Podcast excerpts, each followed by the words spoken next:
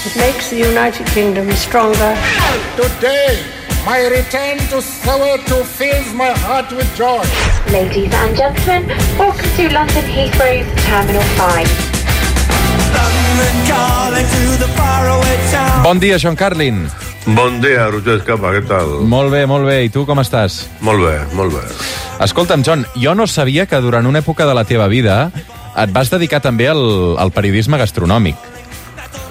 Sí, yo soy un mercenario total. O sea, yo, con tal de que me paguen. Mira, yo he escrito sobre prácticamente todo, salvo finanzas. Ah. Eh, de- de- eso no lo toco porque soy de una incompetencia tan absoluta y total y desastrosa con mis finanzas, perso- finanzas personales que, que pretender hacerlo así a nivel público sería grotesco. Pero no, yo he escrito bastante sobre eh, gastronomía. Lo dejé hace tiempo, antes de que me pillaran, eh, mientras íbamos más o menos bien, porque la verdad yo, yo no sé cocinar, yo nada, pero he escrito bastante y he ido a, a- gracias al periodismo, no a mi propio bolsillo, he ido a, a muchísimos restaurantes de top, top, top, top, top del, del mundo. I per qui treballaves, aleshores?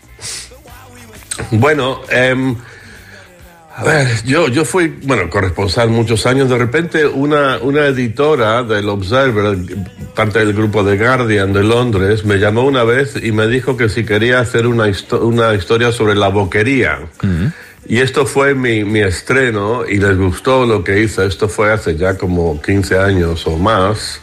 Y después, eh, no sé, fui a hacer un, un- un artículo que me gané un premio importante en Estados Unidos, en Estados Unidos, en Reino Unido por él, eh, sobre un restaurante en, em, en Borgoña cuyo famosísimo chef se suicidó por el exceso de, de presión.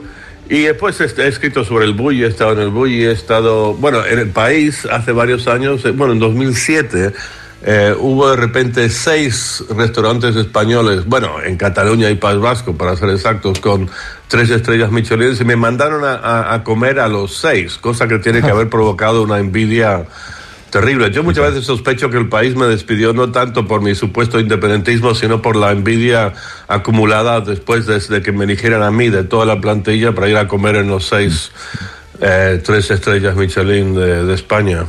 I al Noma de Copenhague hi havies anat? Perquè no sé què t'ha... No. No hi havies anat. Uh, No había ido. Eh, he, he- he leído bastante sobre el restaurante y veo el tipo de cocina que hay. Y te digo, em, Roger, que realmente yo no quisiera ir, aunque, aunque me lo regalaran, es carísimo. Que para mí, que esta altísima, estratosférica cocina, no sé, marciana, que, que patentó em, Ferran Adrià con el Bulli y Noma es uno de varios que le siguieron la senda. Para mí esto ya, ya ha como caducado. Una, una moda, algo muy brillante, fantástico, pero como, como Cristiano Ronaldo, ya ha caducado. Clar, eh, la notícia d'aquesta setmana és que el Noma, que havia estat cinc vegades millor restaurant del món, eh, abaixa la persiana. Eh, D'entrada, el que explicaven ells és que no els surten els números, que tenen moltes pèrdues, que 227.000 euros eh, de pèrdues, concretament el 2021, menú degustació, atenció, eh? 670 euros, i tot i així no cobreixen els, les despeses. Clar, el que passa és que la interpretació que en fèiem, sentia la Maria Nicolau aquesta setmana aquí al Matí de Catalunya Ràdio, o altres veus deien, no, no, no, no, no baixen la persiana perquè no en surtin els números, sinó segurament per altres motius, no?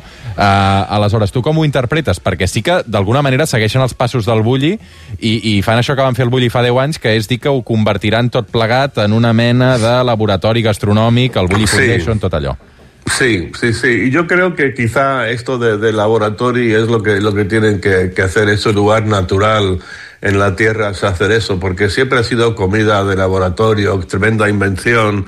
Em, y lo que pasa es que, claro, el bullying nu- nunca fue rentable, es que exige tanto trabajo, tanta gente. En, en Noma, eh, 100 personas. em, trabajando y aparte no les pagaban muy bien. Mucha gente iba ahí a trabajar prácticamente gratis por la experiencia, por el currículum, pero a mí me da la impresión de que para este altísima, altísima cocina tan alta que, que- llega a Marte, que, que la única forma realmente de hacerlo rentable sería, bueno, acabo de mencionar Cristiano Ronaldo, imitar a Cristiano Ronaldo y poner restaurante en Arabia Saudí, donde encontrarás a comensales que no les importará nada, que no parpadearán pagando 10.000 euros por, por cabeza.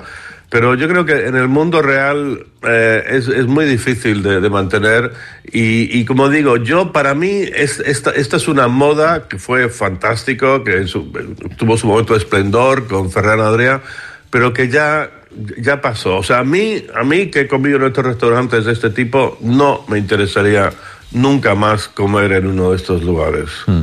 Què en penses del periodisme gastronòmic, Joan, tu que n'has format part? Perquè, clar, això que em dius de no, jo em vaig dedicar a escriure um, periodisme gastronòmic durant uns quants anys i vaig viure passejant-me per aquests restaurants, el que passa que a casa no em sé fer ni una truita de patates, pràcticament, no? clar, vull dir, no, bueno. em sembla una contradicció, una mica. Sí, mira, yo realmente, no, decir que yo fui un periodista gastronómico sería una exageración. Yo nunca fui una de estas personas que tenía, estaba dotada para ir a un restaurante y puntuarla y hacer una crítica. Yo jamás eh, haría eso. A mí me mandaban a cosas muy, muy puntuales para, para largos reportajes de, de, revistas y tal. Pero bueno, pero fui a varios festivales gastronómicos, en San Sebastián, en Madrid, en Islandia. Eh, y fue en Islandia un día cuando descubrí, en el medio de todo este, est estábamos en, en, el, en el frenesí de, de, de, esta invención, esta arte, este, este tipo de restaurante tipo Cirque du Soleil, que era el Bulli y que seguro que fue Noma, y de repente estaba comiendo con un chef alemán en Reykjavik, en Islandia, estaba sentado a comer con él, un tipo de muy alto nivel, él también tenía tres estrellas Michelin, y estábamos comiendo, comiendo un bacalao, y el bacalao estaba perfecto, fresco y en su punto, y él dijo, o sea, ¿por qué queremos más? ¿Por qué nos complicamos tanto la vida? Y eso para mí fue un momento de revelación y pensé, es verdad. Y ahora a mí me das a elegir entre ir, me, me pagas el viaje a Dinamarca, a Copenhague, me pagas los 700 euros para comer en, en, en, en Noma. Y, y, me das a elegir entre eso, irme a un buen restaurante de pescado aquí en Barcelona que sé que me van a hacer el rape perfecto, yo elijo sin dudarlo un instante, me voy a, al, al, al, lugar del, del, de esto, del, del, del, pescado fresco y bueno y mucho más barato. Y, y, y, pido también una tortilla española que me la den así sólida en vez de como en el bullying me la daban en una copita de jerez. Y, y ya está. Yo creo que, que esto ya ya pasó. A mí en su momento lo defendía porque tenía muchos críticos ese tipo de cocina, pero ahora creo que, que, que és algo que, que passó la història. Mira, amb tanta història m'has fet benicana. Avui arribarem a les 9 del matí amb Paolo Conte, que dedica una cançó al gelat de llimona. Uh, Joan Carlin, una abraçada, cuida, bon dissabte. Una abraçada, Roger.